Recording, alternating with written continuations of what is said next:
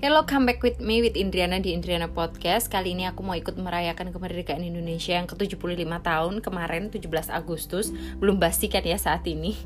Oke, kali ini aku akan bahas tentang bagaimana sih kita mengisi kemerdekaan Bagaimana sih kita berkontribusi untuk negara. Saat ini aku berusia 30 tahun mungkin aku masuk dalam generasi milenial tapi ini adalah saat ini yang akan aku sampaikan adalah opini pribadiku bukan mewakili generasi milenial pada umumnya. Jadi boleh kalau misalnya nggak setuju boleh kalau setuju. Jadi menurutku kadang kita tuh sengaja atau tidak sengaja sebenarnya sudah ikut berkontribusi kok uh, untuk membangun negara kita. Hanya saja mungkin perlu aku underline dan bold di sini apa aja sih yang bisa kita lakukan untuk berkontribusi membangun negara? Yang pertama, menurutku adalah kita beli produk UMKM. Itu udah termasuk bangun negara. Produk UMKM itu bisa dibeli di pasar langsung, atau beli di mall, atau beli di e-commerce, di warung sebelah, di tetangga, dan sebagainya. Jadi kita beli produk UMKM, apa pun itu menurutku kita sudah berkontribusi untuk menggerakkan perekonomian. Jadi jangan semuanya duitnya ditabung gitu, tapi ada juga yang dibelanjakan untuk tetap menggerakkan perekonomian negara. Kalau misalnya memang uh, udah anu ya, udah cukup ya untuk kebutuhan sehari-hari ya ya kita jajan lah gitu ibaratnya terus yang kedua adalah kita yuk beli produk buatan Indonesia bukan nggak boleh loh kita beli barang impor. Boleh banget. Cuman yuk kita juga ikut membangun industri kreatif di negara kita. Terserah mau di industri manufaktur mau di industri kerajinan tangan mau itu di perdagangan. Yuk kita beli produk buatan Indonesia. Biar produk buatan Indonesia ini juga bisa bersaing gitu karena ada yang beli karena ada permintaan. Contoh kayak sepatu kompas kemarin atau sepatu ventela kayak gitu.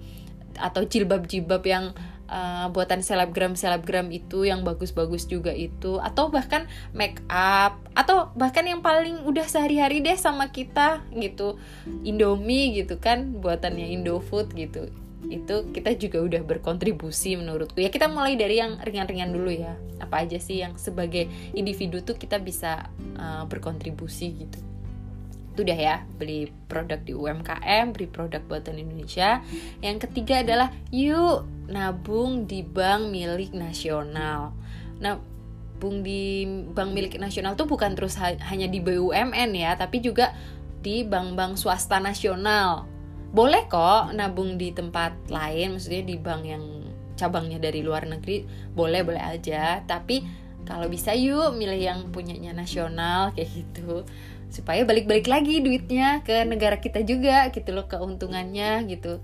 Terus kalau misalnya kita semua nih yang bankable bisa nabung gitu duitnya jangan dipegang cash semua mungkin dipakai operis, operasional juga dimasukin di bank gitu um, berarti akan sebang, semakin banyak dana pihak ketiga yang dihimpun oleh bank kalau banknya banyak dana pihak ketiganya, mereka pun akan juga bisa banyak mengeluarkan pinjaman yang dibutuhkan masyarakat. Kalau misalnya pengusaha, misalnya mungkin mereka butuh pinjaman untuk membesarkan usahanya. Jadi pinjaman produktif.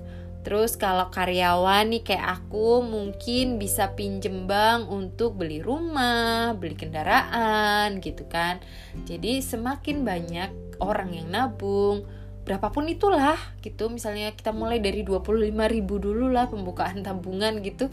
Berarti kita udah termasuk berkontribusi gitu. Satu juta kurang seribu aja nggak satu juta kan gitu. Terus yang keempat, Yuk, bagi yang penghasilannya sudah kena pajak, kita bayar pajak. Yuk, bagi yang memang sudah beli rumah, bayar PBB. Yuk, kalau kita udah beli kendaraan, bayar pajak kendaraan bermotornya, kayak gitu.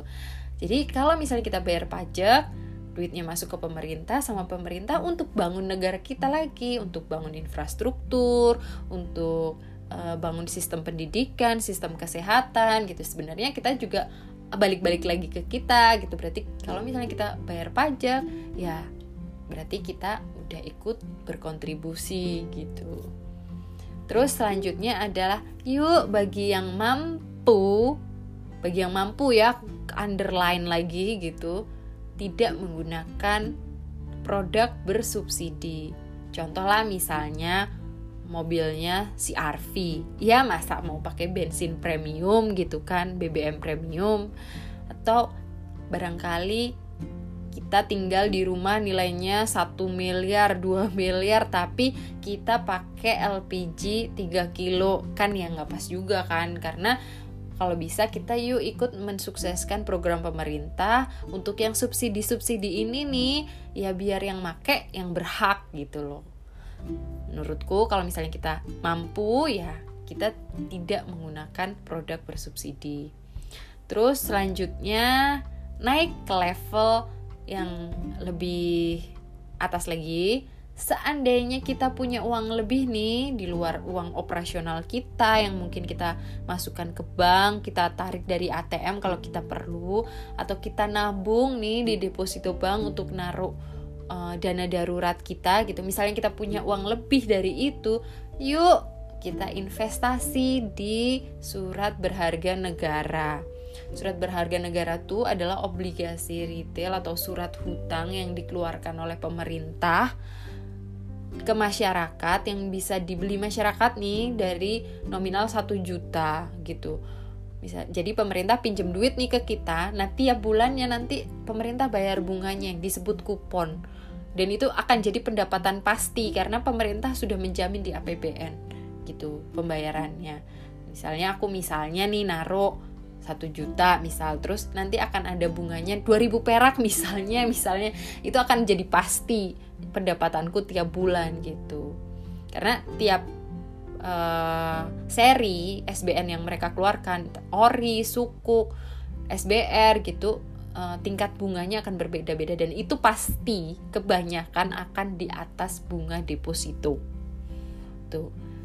Lanjut lagi kalau misalnya kita punya dana lebih dan kita mau belajar, mau mengambil resiko lebih sedikit lebih lebih beresiko maksudnya bukan terus kita dapat pendapatan yang tetap setiap bulan gitu. Misalnya kita mau belajar tentang pasar modal, yuk kita investasi di saham di IDX gitu. Karena aku nggak tahu angkanya berapa, tapi yang aku tahu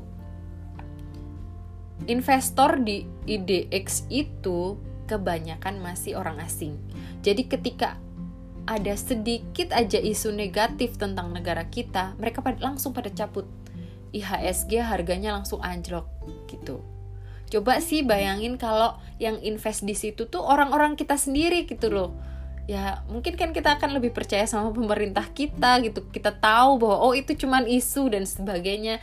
Kita akan bertahan dan nilai IHSG kita tuh ya nggak akan langsung anjlok blek kayak gitu. Seandainya nih misal kita punya kemampuan untuk belajar kemauan untuk belajar dan ada dana lebihnya yuk kita investasi di saham di IDX gitu Terus karena aku mau tambahin sedikit karena mungkin aku adalah orang tua dari seorang anak 5 tahun nih saat ini anakku. Mungkin sebagai orang tua itu kita bisa ikut berkontribusi membangun negara, mengisi kemerdekaan ini dengan mendaftarkan atau mengikutkan anak untuk imunisasi. Jadi anaknya divaksin kondisi pandemi saat ini tuh udah cukup banget gitu loh mengajarkan kita bahwa vaksin imunisasi itu penting banget untuk kestabilan negara gitu ketika kita semua sakit gitu maksudnya ada wabah yang uh, menyerang kita gitu ekonomi terpengaruh sosial terpengaruh kayak gitu. Jadi kenapa sih sampai ada program imunisasi yang wajib yang gratis di posyandu kenapa sih pemerintah repot-repot bikin program itu ya karena mungkin mereka ingin menjaga kestabilan negara ini gitu loh dengan uh, menghindari epidemi, pandemi atau uh, segala macam nama wabah, maksudnya nama uh, epidemi, pandemi, nama apa namanya level-level wabah itu ya gitu. Bahasa kesehatannya apa sih nggak ngerti. Jadi kalau misalnya memang kita udah memutuskan untuk kita punya anak dan alhamdulillah dikasih, yuk kita ikut sertakan mereka untuk imunisasi. Kayak gitu. Karena kita aja sekarang nih dengan kondisi wabah covid kayak gini kita nunggu banget vaksinnya kayak gitu. Jadi itu aja sih yang menurutku. Hmm, bisa untuk ke bekal kita mengisi kemerdekaan untuk berkontribusi ke negara. Dan kita bisa berkontribusi ke negara lebih luas lagi ya melalui profesi kita saat ini apa pun itu gitu loh. Jadi ya jadilah yang terbaik sesuai versi profesi kita saat ini gitu. Menurutku bahkan uh, semut pun gitu pasti punya kontribusi kan di dunia ini gitu. Mau sekecil apa pun peran kita pasti kita punya kontribusi kok. Bisa berkontribusi asal kita benar-benar uh, berusaha sebaik mungkin gitu. Ya cukup podcastku kali ini and see you on my next podcast